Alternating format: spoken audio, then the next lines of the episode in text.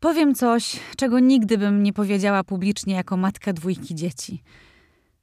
Zazdroszczę osobom, które świadomie zdecydowały się nie mieć dzieci. Nie powiem bezdzietnym, bo nie każdy bezdzietny jest nim z wyboru, ale właśnie ludziom, którzy sami sobie taką ścieżkę wybrali. Ja nie miałam tyle odwagi. Tak, to jest odwaga. Żyć inaczej niż ci mówią wszyscy. Wytrzymać presję związaną z tym, że w naszym kraju każda kobieta musi lubić dzieci i chcieć być matką. Znosić ciągłe zaglądanie do macicy przez różnych ludzi, nawet niebliskich. Znosić żarty koleżanek, że jeszcze ci się odmieni. Już niedługo dorośniesz, jeszcze spotkasz faceta, z którym będziesz chciała, bo przecież to oczywiste.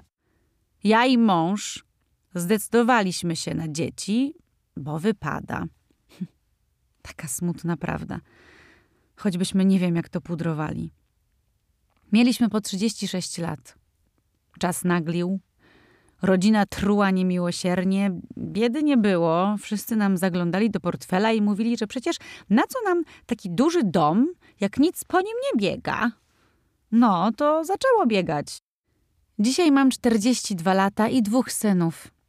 I zazdroszczę bezdzietnym prawie każdego dnia. Ciszy. Dla wielu rodziców to luksus. Mniejszej ilości zmartwień. Oczywiście zdaję sobie sprawę, że zmartwienia może mieć każdy, ale przynajmniej nie martwią się o dzieci. Wakacji, podróży, spontanu.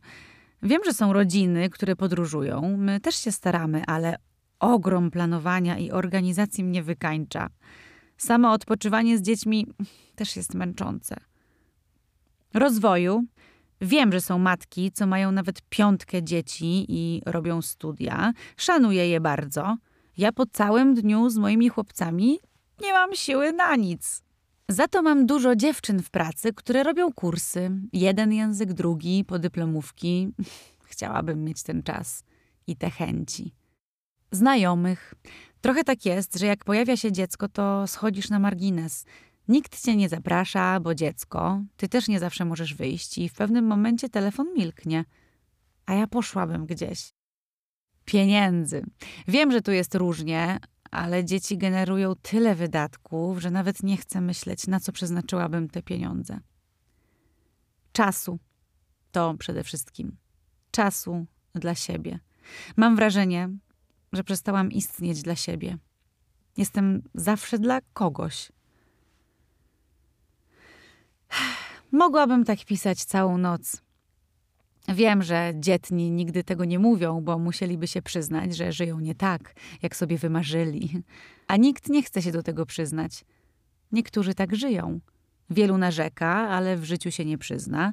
Wolą wyśmiewać bezdzietnych, że są lekko duchami, niż przyznać się, że im zazdroszczą. Znam dużo rodziców. Wielu mogłabym przypisać do tej kategorii.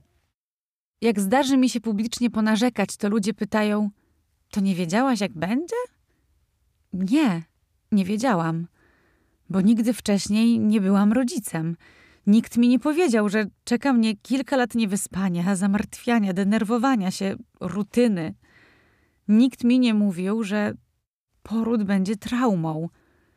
Co to depresja poporodowa? Jak wygląda połóg? Nie przygotowano mnie na ten nawał emocji.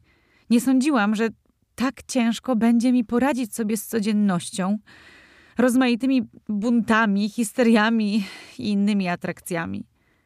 Tak, są fajne momenty, ale to momenty. Przez większość czasu jednak jestem nieszczęśliwa.